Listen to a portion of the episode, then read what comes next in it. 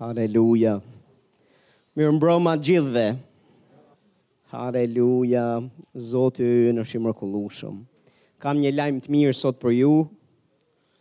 Haleluja.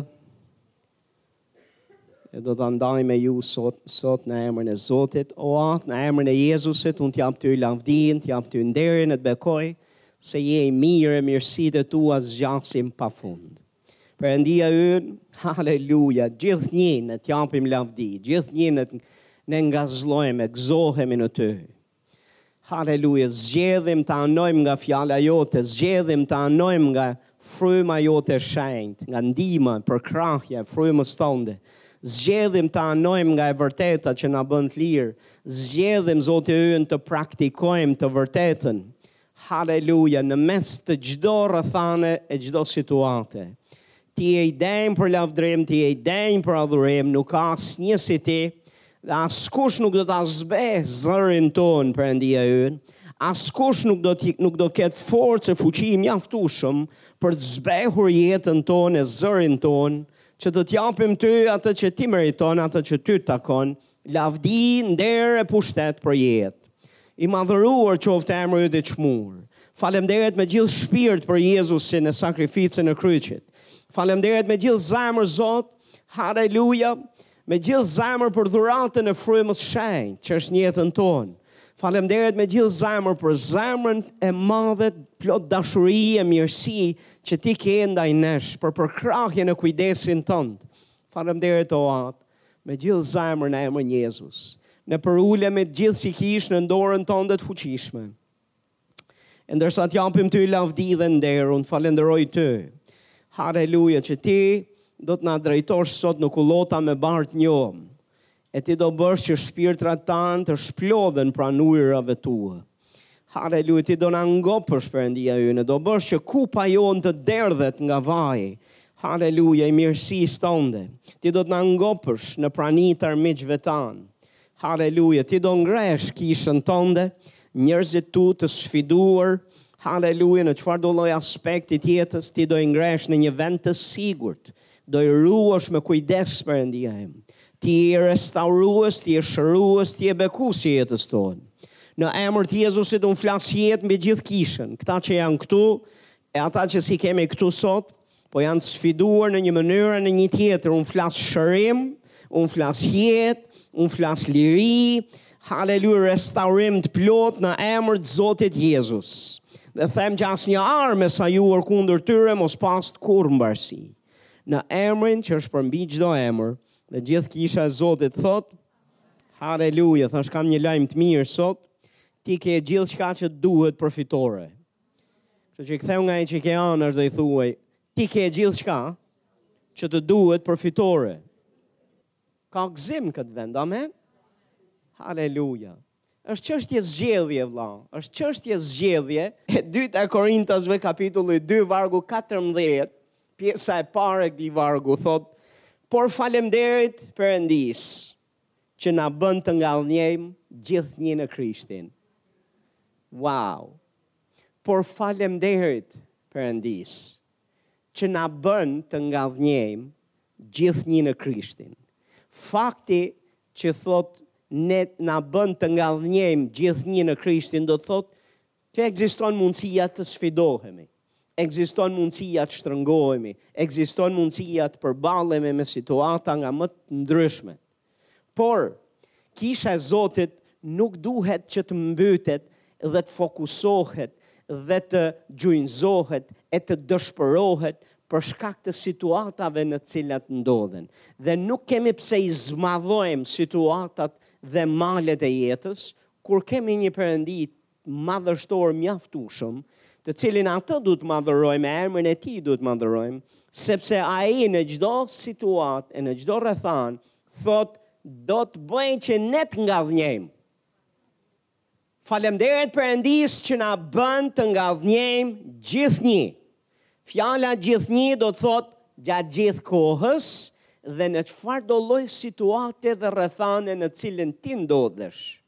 Dije që Perëndisë nuk i ke dalë nga harta, nuk i ke dalë nga vëmendja, ti e situata jote, ti e situata jote nuk jeni të mëdhenj për Zotin, të rëndësishëm, ti i rëndësishëm, po e madhe situata jote dhe e vështirë për ta kaluar e përballuar Perëndia, jo mund të jetë e madhe në sytë në sytë tanë, mund të jetë e madhe në sytë e njerëzve, i ligu mund të përpiqet ta bëjë të madhe në sytë tanë, po në sytë e Zotit jo pastor.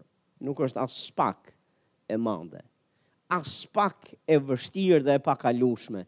Faleminderit Perëndisë që na bën të ngadhnjejmë gjithnjë në Krishtin. Në çdo rrethanë, në çdo kohë, në çdo situatë në cilën ti ndodhesh, Pastor duhet ta rrënjosësh këtë fjalë në zemrën tënde, duhet të jetë e gdhendur në ty. Perëndia do të bëjë që ti të ngadhnjesh në mes të asaj situate. Fjala ngadhnjim do të thotë fitore, pastor. Çfarë të bëj pastor? Mbasi kam bërë çdo gjë që di të bëj. Pastor, dhe ka ca gjëra që nuk di se ça duhet të bëj më tepër. Pastor, mos u merr me gjëra që s'di me bë më tepër, vazhdo të bësh gjërat që ti di se duhet bërë. Ky varg na thotë një prej atyre gjërave që ne duhet të bëjmë kur jemi të sfiduar. Çfarë duhet të bëjmë? Faleminderit Perëndisë. Merr kohë dhe falëndero Perëndinë. Në mes rrethanave, në mes shtrëngimit tënd, në mes vështirësive, në ato kushte në të cilat ti ndodhesh, ça duhet të bësh? Pastor, ngreje kokën lart, mblidhe veten, shtrëngoji rripat, çohu edhe jepi Zotit lavdi. Falënderoje, nderoje emrin e Tij në kushte të tilla, sepse Ai të bën të ngadhnjesh gjithnjë. Dhe pastor, gjanë e dytë që mund të bësh është që ta lejosh Perëndinë që të ndërhyjë për ty, është thjesht ki besim, mbështetu tek Zoti, mbështetu tek Zoti, sepse Ai e ka gjithë pushtetin dhe fuqinë, është ekspert për t'i bërë situatat e pamundura të mundura, është ekspert për të bërë një rrugë atje ku duket sikur s'ka, është ekspert për të të nxjerrë ty nga gropa jote, është ekspert për të të nxjerrë ty në dritë. Vetëm ki besim tek Zoti. Dhe falënderoje. Këto dy gjëra mund t'i bësh? Haleluja. Dhe nëse ka një gjë tjetër që fryma e Zotit do ta kumtojë dhe do të të thotë bëj këtë gjanë, atëherë bindu. Dhe nëse ti bindesh në atë gjë çfarë Zoti të jep drejtim, pastor fitorja jote është mbas saj. Nuk është e vështirë, nuk është e komplikuar. Ecja jote me Zotin nuk është e komplikuar. Perëndia ka E ka bërë të thjeshtë që i madh e i vogël, i shkolluar e i pashkolluar, i diplomuar e i padiplomuar, të fitojë. Dikush thotë amen. Dikush thotë amen. Haleluja. Faleminderit Perëndisë që na bën të ngadhnjejmë gjithnjë në Krishtin. Domethënë në çdo situatë, Ai na do të ngadhnjejmë, Haleluja, dhe na bën që të ngadhnjejmë. Na bën të ngadhnjejmë. Na bën të ngadhnjejmë. Që do të thotë është në anën tonë për të na aftësuar që ne të fitojmë. Ti ke gjithçka që të duhet për për një jetë me fitore. Ti e ke. Le të shohim disa të vërteta, të cilat shkrimi i shenjtë na i flet për këtë gjë. Dhe është shumë e rëndësishme pastor që ta ankorojmë besimin tonë, mendjen tonë, ta çojmë tek e vërteta e fjalës së Zotit, sepse ka shumë rëndësi të kemi mendësinë e fitimtarit, mendësinë që Perëndia do që të kemi. Një herë pikë së pari a e di që ti je lindur për fitore. Ktheu nga që ke anash dhe thuaj ti je lindur për fitore. Haleluja. E para e Gjonit, kapitulli 5, vargu 3 deri në 4. Thotë sepse çdo gjë që ka lindur nga Perëndia e mposht botën, e mund botën. Dhe kjo është fitorja që e mundi botën, besimi ynë. Cili është ai që e mundi botën? Veçse ai që beson se Jezusi është Biri i Perëndisë. O haleluja! Kush e mund botën? Dikush që beson se Jezusi është Biri i Perëndisë. Kush e mund botën? Ai që është lindur prej Perëndisë. Çdo gja që është lindur prej Perëndisë e ka aftësinë në vetvete për të mposhtur botën. Ne që besojmë te Jezusi jemi të lindur prej Perëndisë, jemi bijë të Perëndisë dhe si bijë të Perëndisë jemi lindur për fitore dhe në ADN-n tonë, në identitetin tonë është fitorja. Tash dikush thotë amen. Haleluja. Ti je fitimtar. Për shkak se je lindur nga Perëndia. Çdo gjë, gjithkush që ka lind nga Perëndia e mposht botën. Haleluja. Gjoni një vargu dymbëdhjetë thotë, por të gjithë atyre që e pranuan Jezusin, ai u dha pushtetin që të bëhen bijë të Perëndisë, atyre që besojnë në emrin e tij. Kujt i ka dhënë? pushtetin që të bëhen bijë të Perëndisë? Të gjithë atyre që pranuan Jezusin, të gjithë ata që e kanë pranuar atë, të gjithë ata që pranuan Jezusin, Jezusi iu ka dhënë në këmbim pushtetin për të për t'u quajtur, për të qenë që të bëhen bijë të Perëndisë. Tani njerëz Zotit, jo vetëm për të marrë titullin bijë të Perëndisë, por na ka dhënë pushtetin që çdo bir i Perëndisë ka. Kushdo që ka lind, kushdo që është bërë bir i Perëndisë, Perëndia i ka dhënë, Jezusi i ka dhënë pushtetin. Ti ke pushtet. A e di ti, a s'e di ti se ke pushtet, kjo është çështje tjetër. Po unë po të garantoj sipas fjalës Zotit, se në Jezusin, një i lindur, një bir i Perëndisë, Dikush që ka pranuar Jezusin ka marrë pushtet prej së Lartit, jo vetëm për t'u quajt formalisht bir i Perëndisë, po për të qenë me të drejta të plota me pushtet si bir i Perëndisë. E di tek tundimi që Satani i bëri Jezusit, Nëse ju shikoni me kujdes në tundim, Satani i tha nëse je bir i Perëndisë, urdhëro që këta gurë të bëhen bukë. Nëse je bir i Perëndisë, me pak fjalë, sepse Satani e dinte mirë, pastor, që çdo bir i Perëndisë ka pushtet për të bërë të pamundurën, ka pushtet që kur flet një gjë, bëhet. Dhe këtu Satani nuk ishte duke gënjyer. Nuk ishte duke thënë një të pavërtetë. Në fakt ishte një e vërtetë të cilën Satani vetë e dinte që biri i Perëndisë e ka këtë pushtet. Prandaj i tha nëse je biri i Perëndisë, ma provo. Ma provo nga pushteti që ke, ma provo nga fuqia e fjalëve tua që kur thua një gjë bëhet. Tani, Jezusi e ku e nuk i nuk ra pre këtij tundimi. Që t'u fliste gurëve të bëhen bukë, sepse nuk ishte i drejtuar prej Perëndisë. A je duke gju, por a e kishte Jezusi pushtetin për ta bërë këtë? Absolutisht që e kishte këtë pushtet.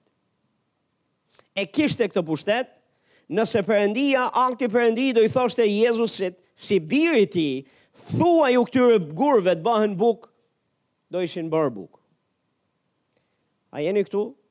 Pastor, në qoftë se pesë bukë dhe dy peshq, u shumuan dhe u ushqyen, u ushqyen 5.000 burra pa gratë dhe pa fëmijët. Mendoni se do kryhej edhe kjo gja? Pa patjetër pastor. Por biri i Perëndisë, Satani e dinte që biri i Perëndisë ka pushtet. Biri i Perëndisë ka pushtet. Ti je biri i Perëndisë. Ti je i lindur prej Perëndisë. Dhe si bir ke pushtet prej së lartit. Dhe bën mirë të jesh i vetëdijshëm për këtë pushtet dhe bën mirë ta vesh në punë këtë pushtet, se ky pushtet që të është dhënë ty, të është dhënë që ti të ngadhnjesh, që ti të fitosh në jetë. Dikush thot amen. Haleluja. Jezusi e përdori atë pushtet kur i tha Satanit shporru prej meje, shporru prej meje, dhe pastor duhet vijë një pikë kur ti duhet thuash shporru prej meje, shporru prej meje temperaturë, shporru prej meje grip, shporru prej meje çfarëdo qofsh që vjen prej errësirës, shporru në emrin e Jezusit. Dhe besojmë në qoftë se ti ke besim tek fjala e Zotit, ke besim tek fuqia e emrit Jezusit, do të të bëhet, sepse ti nuk je dokushdo. Ti mund dukesh si gjithë tjerët, po ti nuk je si gjithë tjerët. Ti mund dukesh i zakonshëm si gjithë tjerët, po ti nuk je i zakonshëm. Ti je i jashtëzakonshëm, pastor. Dhe je i jashtëzakonshëm për shkak se je bir i Perëndisë, se t'është dhënë pushtet prej së Larti, pushtet të cilin nuk e ka, nuk e ka njeri tjetër. Nuk e ka dikush që nuk beson te Jezusi, që nuk e ka pranuar Jezusin në jetën e vet. Pushtet që ti dhe unë e kemi. Dikush thot amen. Dhe më le të them fjala e Zotit është duke na e thënë qartë. Çdo gjë që ka lind nga Perëndia e mposht botën. Ti je superior mbi botën, ti je superior mbi rrethanat e jetës, ti je superior mbi sulmet që vijnë kundër teje, ti je superior ndaj asaj gropës e të errët në cilën ti ndodhesh, edhe që duket sikur Ça do bëhet në kushtet që je, më le të të them pastor ti je bir i Perëndisë. Ti je bir i Perëndisë, nuk ka errësirë të dendur mjaftueshëm për të të mbajë ty aty peng. Nuk ka zinxhirë e pranga të, të forta mjaftueshëm për të të lidhë ty për të të mbajë. Në qoftë se ti thret në emrin e Zotit, në qoftë se ti i në qoftë se ti i beson fjalës Zotit. Nëse ti beson dhe aktivizon fuqinë e Perëndisë që është në ty, pastor, ti ngadhnjen. Ti ngadhnjen, Perëndia bën që ti të ngadhnjesh gjithmonë. Luka 10 vargu 19 thot ja Jezusi tha ju dhash pushtet që të shkelni përmbi gjarprinj e përmbi akrepa e përmbi çdo pushtet të armikut Dhe asgjë, thotë, nuk do t'ju dëmtojë. Le të themi bashkë, asgjë s'do të na dëm, do të na dëmtojë. Jetojmë në ditë të vështira, jetojmë në kohë të vështira, plot interneti, plot informacione negative, do shpërthej lufta e, e tretë botërore këtu, do hidhen bomba automike atje, do ndodh ky është viti që do ndodh kjo, e viti që do ndodh ajo, Sa prej jush keni, keni fillu t'i, t'i dëgjoni? Më lini t'ju them një gja. Pastor, ne duhet të shkojmë tek fjala e çmuar e Zotit tonë. Sa për mua dhe për ty si fmij i Zotit, shkrimi i shenjtë thotë na është dhënë pushtet për të shkelur mbi çdo pushtet të armikut. dhe mbi çdo pushtet të armikut dhe asgjë s'do mundet të na dëmtojë. O haleluja! Më leni t'ju them një gjë që bombat automike nuk i kanë parashiku. A doni ta dini, nuk e ka parashiku njeriu. Luftrat nuk kanë parashiku një gjë. Nuk kanë parashiku që njerëzit e Perëndisë, fmijtë e Zotit të cilët mbështeten me besim tek fjala e Zotit, gëzojnë një mburojë të mbinatyrshme që nuk ka bomba automike që mundet penetroj. Pastor, le ta shohim Pastor më le të të them një gja pastor, jam duke fol për atë çfarë Perëndia im është në gjendje të bëj. Për atë çfarë Perëndia ynë është në gjendje të bëj. Për atë çfarë Perëndia ëngjëjt e Zotit janë në gjendje të bëjnë. Dhe më le të them si fëmijë i Zotit, ti gëzon mbrojtje të mbinatyrshme. Ëngjëjt e Zotit janë rreth rrotull teje dhe nëse ai ka thënë asgjë s'do mundet t'ju dëmtoj, më leni t'ju them, Asgjë s'do mundet t'ju dëmtoj. Haleluja, Qengjit të Zotit, nuk e di për ju, po, u, uh, kjo m'jep forcë. Ky është lajm pastor. Ky është lajm pastor. Ti ke gjithashtu në ty besimin për ta mposhtur botën. Jo vetëm që je i lindur nga Perëndia për ta mposhtë botën, po çfarë thotë Gjoni? Gjoni thotë, çfarë e mposhti botën? Besimi i Ok, nuk thotë besimi i dikujt tjetër, as thotë as i Perëndisë, thotë besimi i kujt? Besimi i kujt? Më lini t'ju them, shumë herë besimtarët nuk dinë kapacitetin dhe fuqinë e besimit dhe vlerën e besimit që kanë brenda tyre. Madje një pjesë e besimtarëve as që e dinë se çfarë vlere ka ajo çfarë ata tashmë kanë. Dhe gjithë kohës i ligu përpiqet të na të na fokusojë tek gjërat të cilat ne na mungojnë dhe duhet t'i kemi, dhe duhet t'i kemi, dhe duhet t'i kemi. Më le të ndaloj pak çfarë kemi një herë. Le një herë të kënaqemi, të gëzohemi, haleluja, të vlerësojmë atë çka kemi. Besimi ynë, besimi yt është i mjaftueshëm për ta mposhtë errësirën e botës gjithë kohës. Gjoni nuk tha besimi ynë nëse do ta kemi. Kur të bëhet, po thot besimi ynë, besimi ynë e mposht botën. Çfarë na thot fjala e Zotit? Te Romakët 12 vargu 3 na thot sipas masës së besimit që Perëndia i ndau secilit, Është pjesa e fundit e këtij vargu, se në fillim thotë sepse për hirin që më është dhënë, unë i them secilit prej jush, domethënë i them secilit prej jush, të mos e vlerësojë veten thot më shumë se sa duhet ta çmojë, por të ketë një vlerësim të përkorë. Thot sipas masës së besimit që Perëndia i ka ndarë, I ndau secilit. Që do të thotë Perëndia nuk na paska lënë pa besim. A e di që ti ke besim? A e di që Perëndia të ka ndarë ty besim, të ka dhënë ty besim?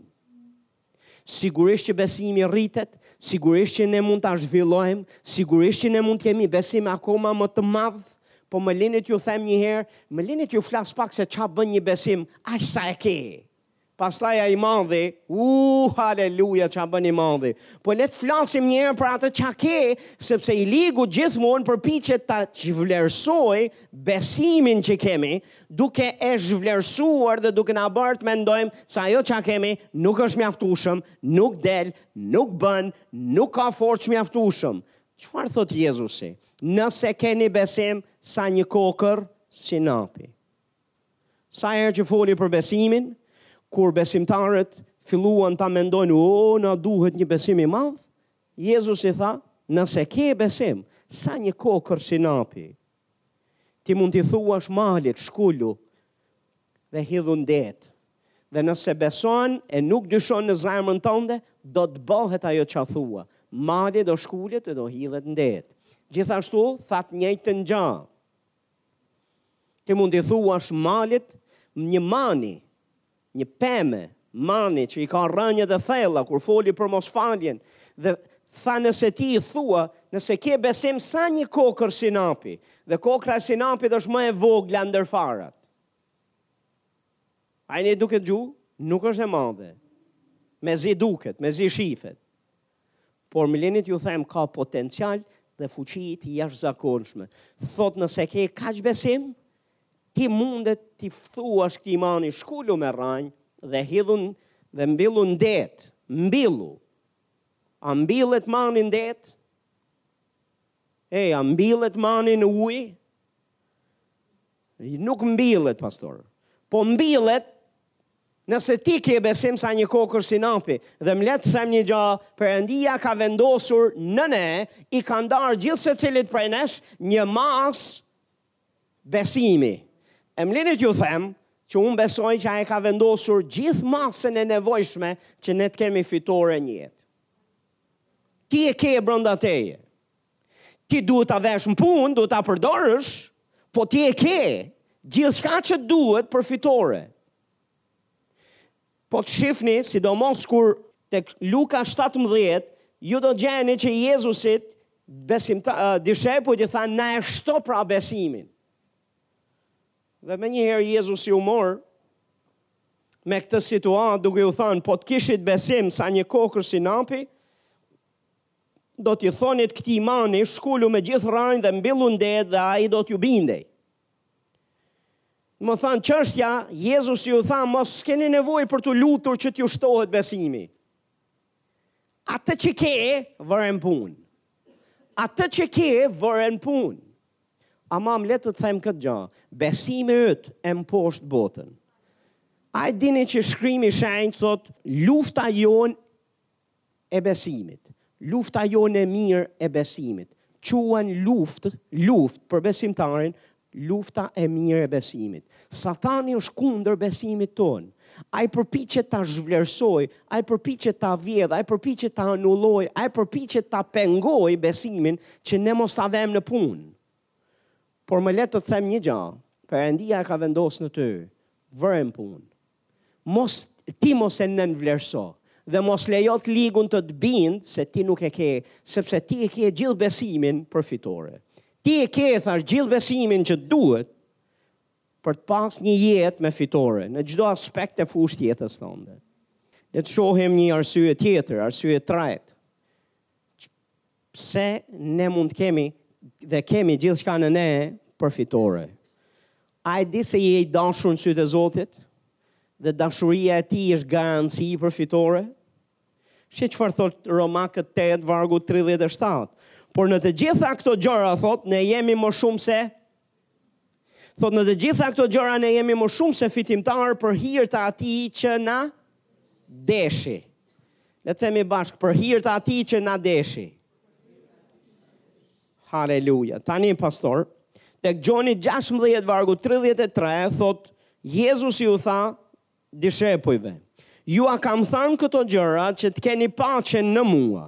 Në botë do të keni mundime, por merrni zemër, unë e munda botën. Kur fokusohemi tek mundimet që vijnë për shkak të fjalës Zotit, për shkak se ne jemi të Krishtit, Kur fokusohemi atje, pastaj dekurajohemi dhe na lëshon zemra. Prandaj Jezusi thotë, merrni zemër dhe fokusohuni tek ajo ç'a mund të bëj unë dhe ç'a do të bëj unë në mes mundimeve tua. Mos i hiq sytë prej meje, mos e hiq mbështetjen prej meje, sepse unë thotë e munda botën. Jezusi e mundi botën jo për veten e tij se ai e kishte mundur botën dhe s'kishte nevojë ta mundte botën për vete. Ai erdhi nga qielli ta mundë botën për ty dhe për mua. Dhe për hir të tij dhe për hir të dashurisë së tij me cilën ai na deshi, tani ne jemi deklaruar, jemi shpallur më shumë se Më shumë se që do të thotë ti e ke fitoren në tavolinë përpara se të vijë beteja. Pastor, ça do sjellë e nesërmja? Nuk du m'ia ditë se ça sjell e nesërmja, një gjo di në fit, fitoren e kam në tavolinë që sot. Nuk e di se ça ka me sjell e pasnesërmja, nuk e di se në ça si duket, si do bohet një rrugë, po një gjo di. Që unë fitoj në fund. Jam më shumë se fitimtar për hir të atij që më deshi. Tani më le ta të them një gjë se ky që e mposhti botën, ky që më deshi dhe më deklaroi më shumë se fitimtar, nuk më ka deklaruar vetëm me fjalë.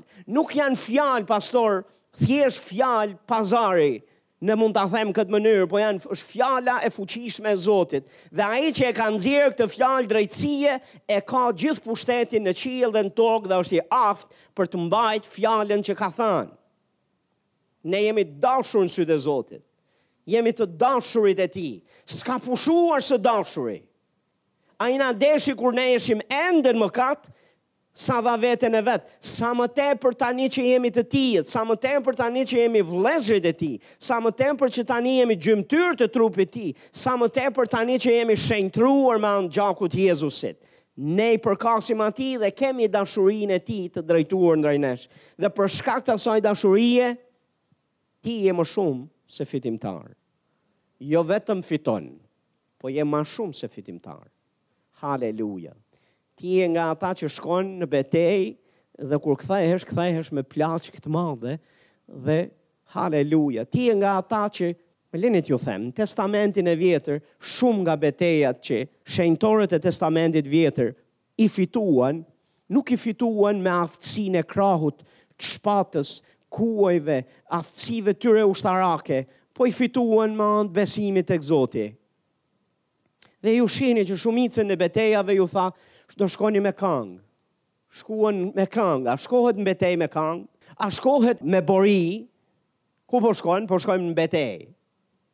Me ushtri, të papërballueshme ushtarakisht dhe me me me me armë njerëzore shkuan me enë prej balte me britma gëzimi kështu shkuan po kush ua dha fitoren shkuan siç është në Jeriko që ishte qytet i fortifikuar si e morën atë betejë si e fituan atë betejë E fituan me forcën e tyre?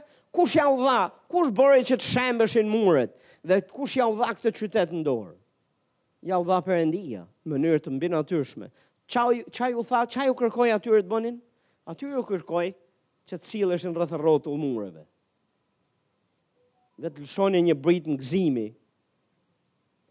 Haleluja. Po më lini t'ju them, haleluja që Perëndia ynë është i fuqishëm e është i njëjti, dje, sot dhe përgjithmonë. Ai është i njëjti. Ty mund të të mungojnë armët, mund të të mungojnë shumë gjëra aftësi njerëzore për t'ia dalë, po më le të të them një gjë, faktori Jezus dhe dashuria që ka për ty. Kjo t'ka dhënë ty fitoren.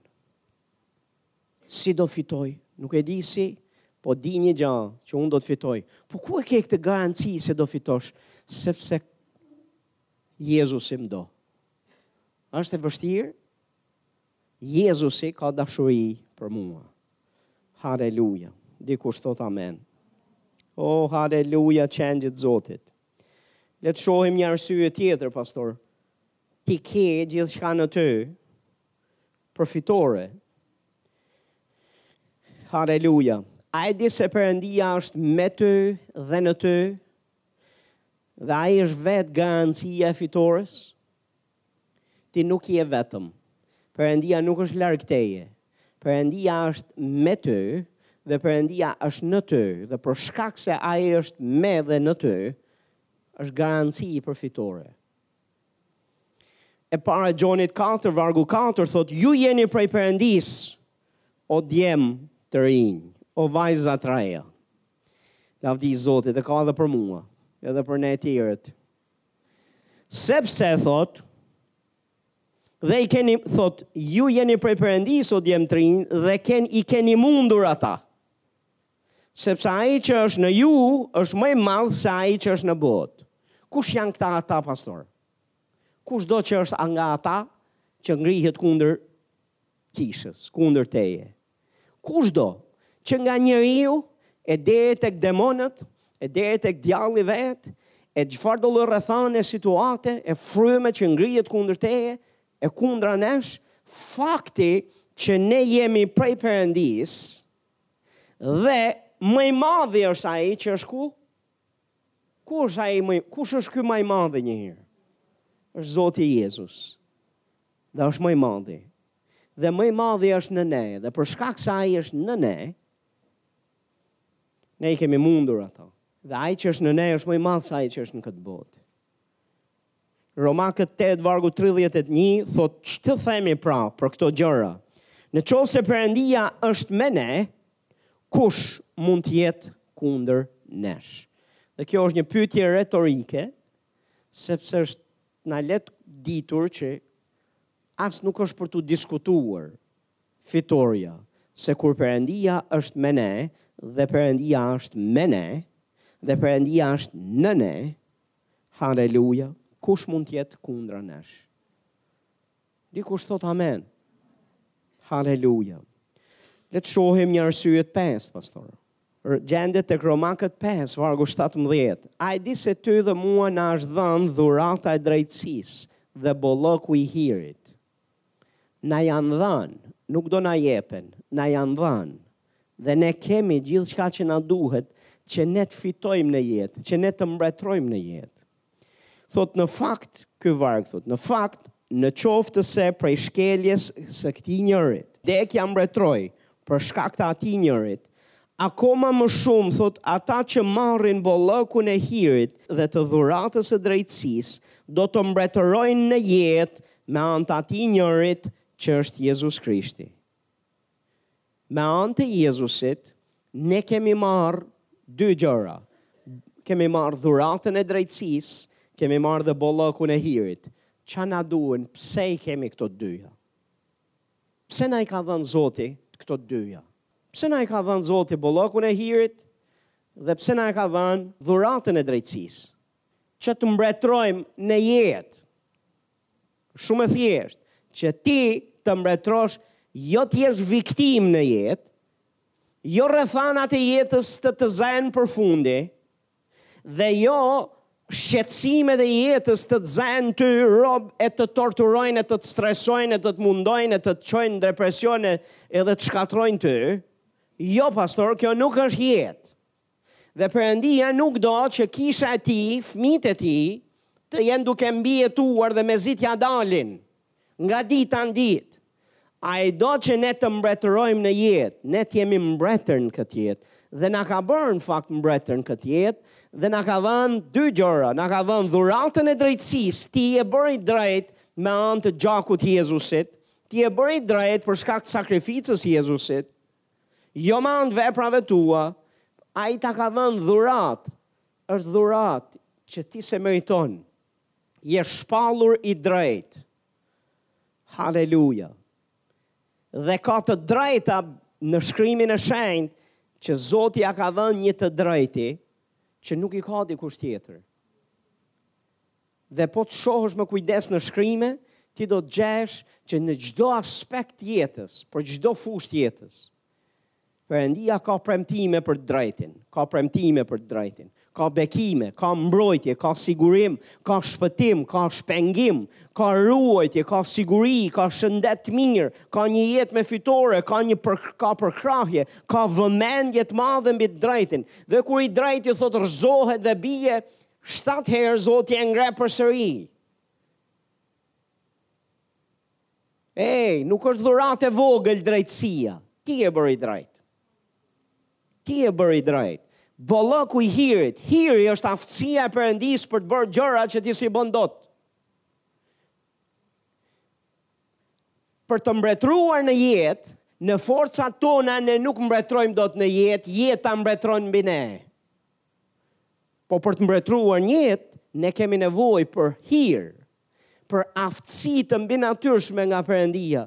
Dhe Perëndia thotë ka bollëk hiri, jo vetëm me pikatore hir, po na ka dhënë bollëk hiri. Dhe nëpërmjet Jezusit, i cili lavdi Zotit, nuk ka shku për pushime në qiell, Sepse në imazhin e njerëzve shumë herë, nga fatkeqësisht në imazhin e shumë besimtarëve është që Jezusi tani mbasi u ringjall prej vdekjes, ka shkuar dhe është ulur në të djathtën e Atit Perëndi dhe tani është duke u marrë me tjetër biznes. A e di që ti je biznesi i tij? A e di që ai është me kishën, deri në mbarim të botës, është me ty, është në ty, është gjatë gjithë kohës, me anë të frymës së shenjtë, është në mbështetjen tënde, në çdo hap e situatë të jetës tënde, mëngjes, drekë, darkë, pa ndërprerje, me kohë të plotë, është me ty. Ecja jonë me Zotin nuk është me kohë të pjesshme, vetëm një ditë jave a dy ditë jave nga dy orë. Ecja jonë e besimit, ecja jonë me Zotin është e përditshme dhe është gjatë gjithë kohës. Ne ecim me Zotin edhe kur jemi këtu, ne ecim me Zotin dhe kur dalim jashtë dere, ne ecim me Zotin dhe kur jemi në shpi, ne ecim me Zotin kudo. Ai është me ne. Dhe premton që unë do të jem me ju deri në mbarim të botës. Dhe kur të mbarojë bota, Zoti është me ne. Jezusi është me ne. Dikush thotë amen. Ti ke gjithçka në ty për një jetë me fitore. Haleluja. Jam në pritje. Në pritje për çfarë je, pastor? Jam në pritje që të vijë, të kem, të vijë ajo ditë, të bëhem pastor, ti je bir i Perëndisë, ti je i lindur prej Perëndisë.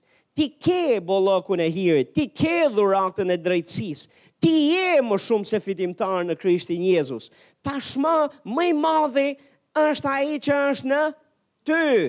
Nuk ka për të ardhur një ditë, ai është në Ty! Ai është me ty dhe ça do që vjen kundër teje tashmë të gjen vet i katërt. Ups, vet i katërt? Po pastor, dhe nëse ke edhe grua, vet i pestë. Nëse je burr, nëse je, ë, e kuptoni vet. Haleluja. Po kush janë? Është Ati, Biri dhe Fryma e Shenjtë. Janë në krahun tënd. Ne nuk jemi vetëm. Kjo është kisha e Zotit. Kjo është kishë triumfuese, kisha e Zotit.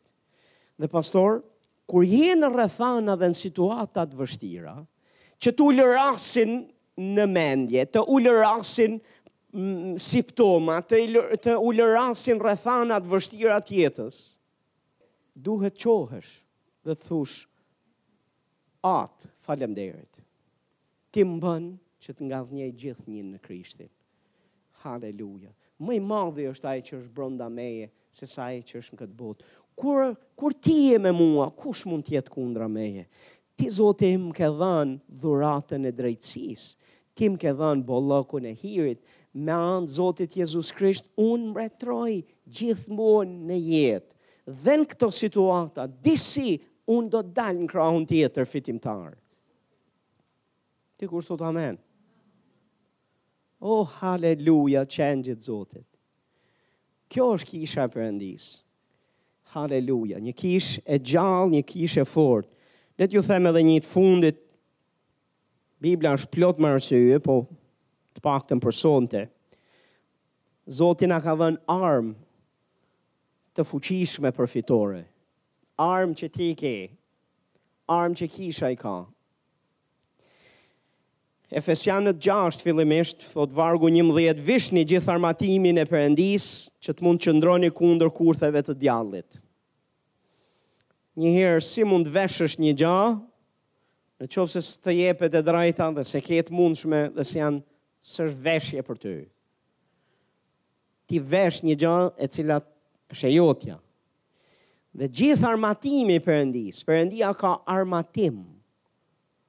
Haleluja. Këtë armatim ta ka dhënë ty dhe mua të drejtën ta veshim. Dhe na bën thirrje ta veshim. Thotë sepse beteja jonë nuk është kundër gjakut dhe mishit, që do të thotë nuk është kundër njeriut, por është kundër principatave, kundër pushteteve, kundër sunduesve të botës e errësirës të kësaj epoke, kundër frymërave të mbrapshta në vendet qiellore.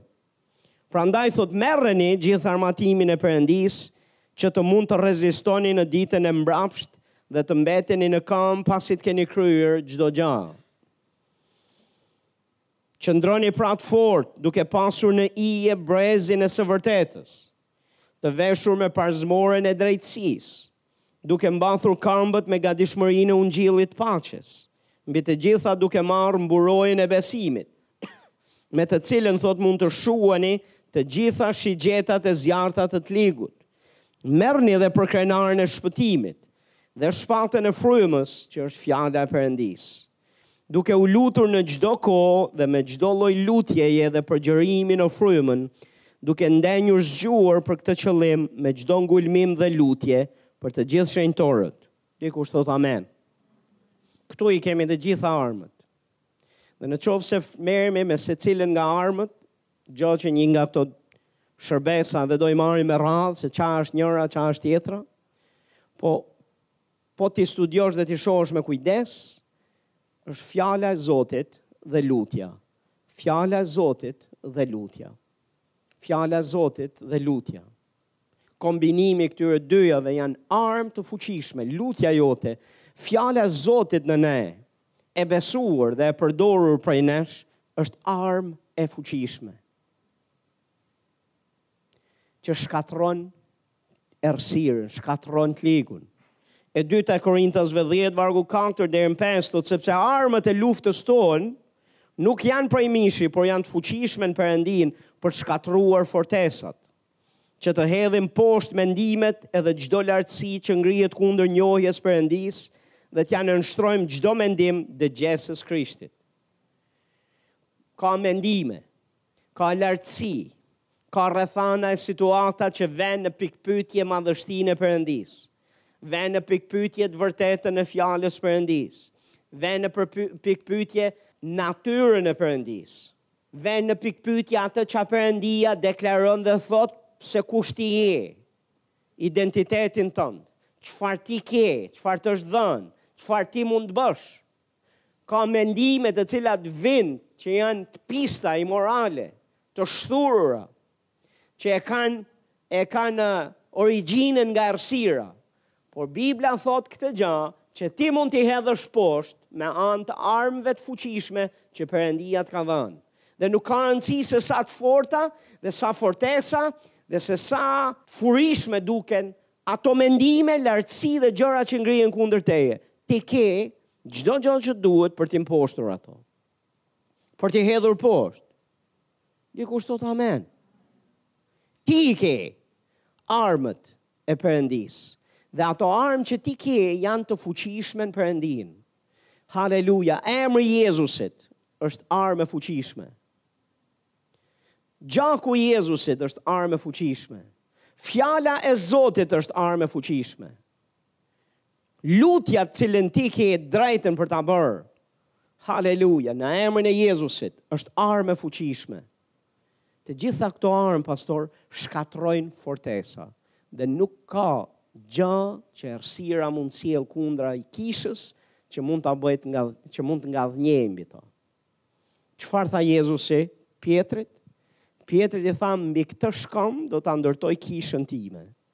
Dhe portat e ferrit nuk do munden të triumfojnë mbi ta. Nuk ka asgjë që ferri mund të ngrejë kundër teje. Në qoftë se ti mbahesh tek fjala e Zotit dhe përdor armët që Zoti t'i ka dhënë, t'i ka dhënë, t'i ka dhënë i ke. Pastaj ti fiton gjithmonë. Dikush thotë amen. O haleluja. Atëherë pastor, ku është problemi ynë? Kur ne nuk jetojmë të gjitha kjo, ky është një një një predikim, një shërbesë fantastike, shumë e mirë, po më bën mua të mendoj, ah, sikur unë të jem ky.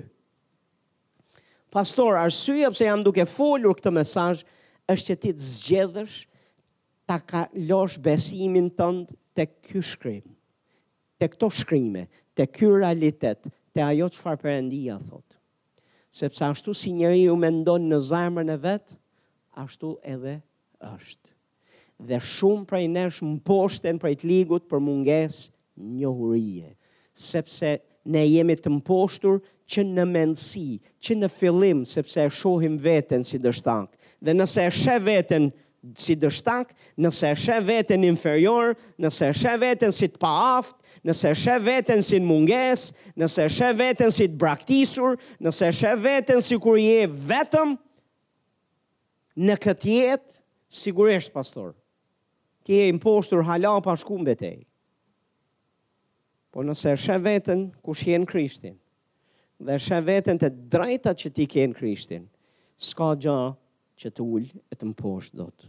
Dikush thot amen. Haleluja. Prandaj kur të falënderosh Perëndin, Ço pastor, në mes situatave të vështira tuat, hiqja mendjen të ligut dhe errësirës. A do ta bësh të ligun që të tërbohet? Pastor më lini t'jua them, një mënyrë. Në mes të rrethanave ku duket sikur çdo gjë s'po ec. Çou. Çou, mblidhe veten, shkunde pluhurin, fshini lotët. Haleluja. Mblidhe pak veten. Hidhe mënjanë të gjitha ato raportet dhe mendimet dhe gjërat. Lëre një herë për një për, për pak jashtë dhe bëj këtë gjanë këtu dhe shko ngreji duart drejt atit dhe thuj o Atë Kam ardhë të të falenderoj ty. Kam ardhë të të falenderoj ty, sepse ti bën që unë të ngadhënjej gjithnjë në Krishtin. Ti më bën që unë të ngadhënjej gjithë kohës. Në këtë rrethanë në të cilën ndodhem, duket sikur kjo është fundi, po Zot, nuk eci me atë ça shoh, nuk eci me atë ça duket, eci me anë të besimit tek ti e tek fjala jote. Oh haleluja Asht Zoti i mirë Ti ke lind nga Perëndia Ty të është dhënë masa e besimit për fitore Ti ke Krishtin ke pranu Krishtin dhe ke marrë gjithë pushtetin e fëmijës Zotit për të pas një jetë me fitore, për të shkel mbi akrepa, gjarpërinj, e mbi çdo pushtet t'armikut dhe asgjë s'të dëmton dot ty. Ty t'është dhënë dhurata e drejtësisë e bollëku i hirit. Ti ke më të madhin që është në anën tënde edhe brenda teje, më i madh se ai që është në këtë botë. Dhe s'ke arsye të kesh frikë, dhe s'ke arsye që të mendosh dështim e rrëzimin tënd, sepse është i pamundur, sepse ai që është në ty është më i madh dhe do të të bëjë që të fitosh gjithkohës. Dikush thot amen. Ti je i dashur në sytë e Zotit. për hir të atij që deshi ti je më shumë, je shpallur më shumë se fitimtar. Dhe thash Zoti Jezus nuk ka shku për pushime. Zoti Jezus është në anën tënde. Anën e djathtë të Atit Perëndi, po gjithashtu shkrimi thot po në atë anë jemi ulë edhe ne në krah me ta, në vende qiellore. Pozicionalisht ne jemi ulur në qiell në krah me ta. Dhe nuk jemi kurrë vetëm.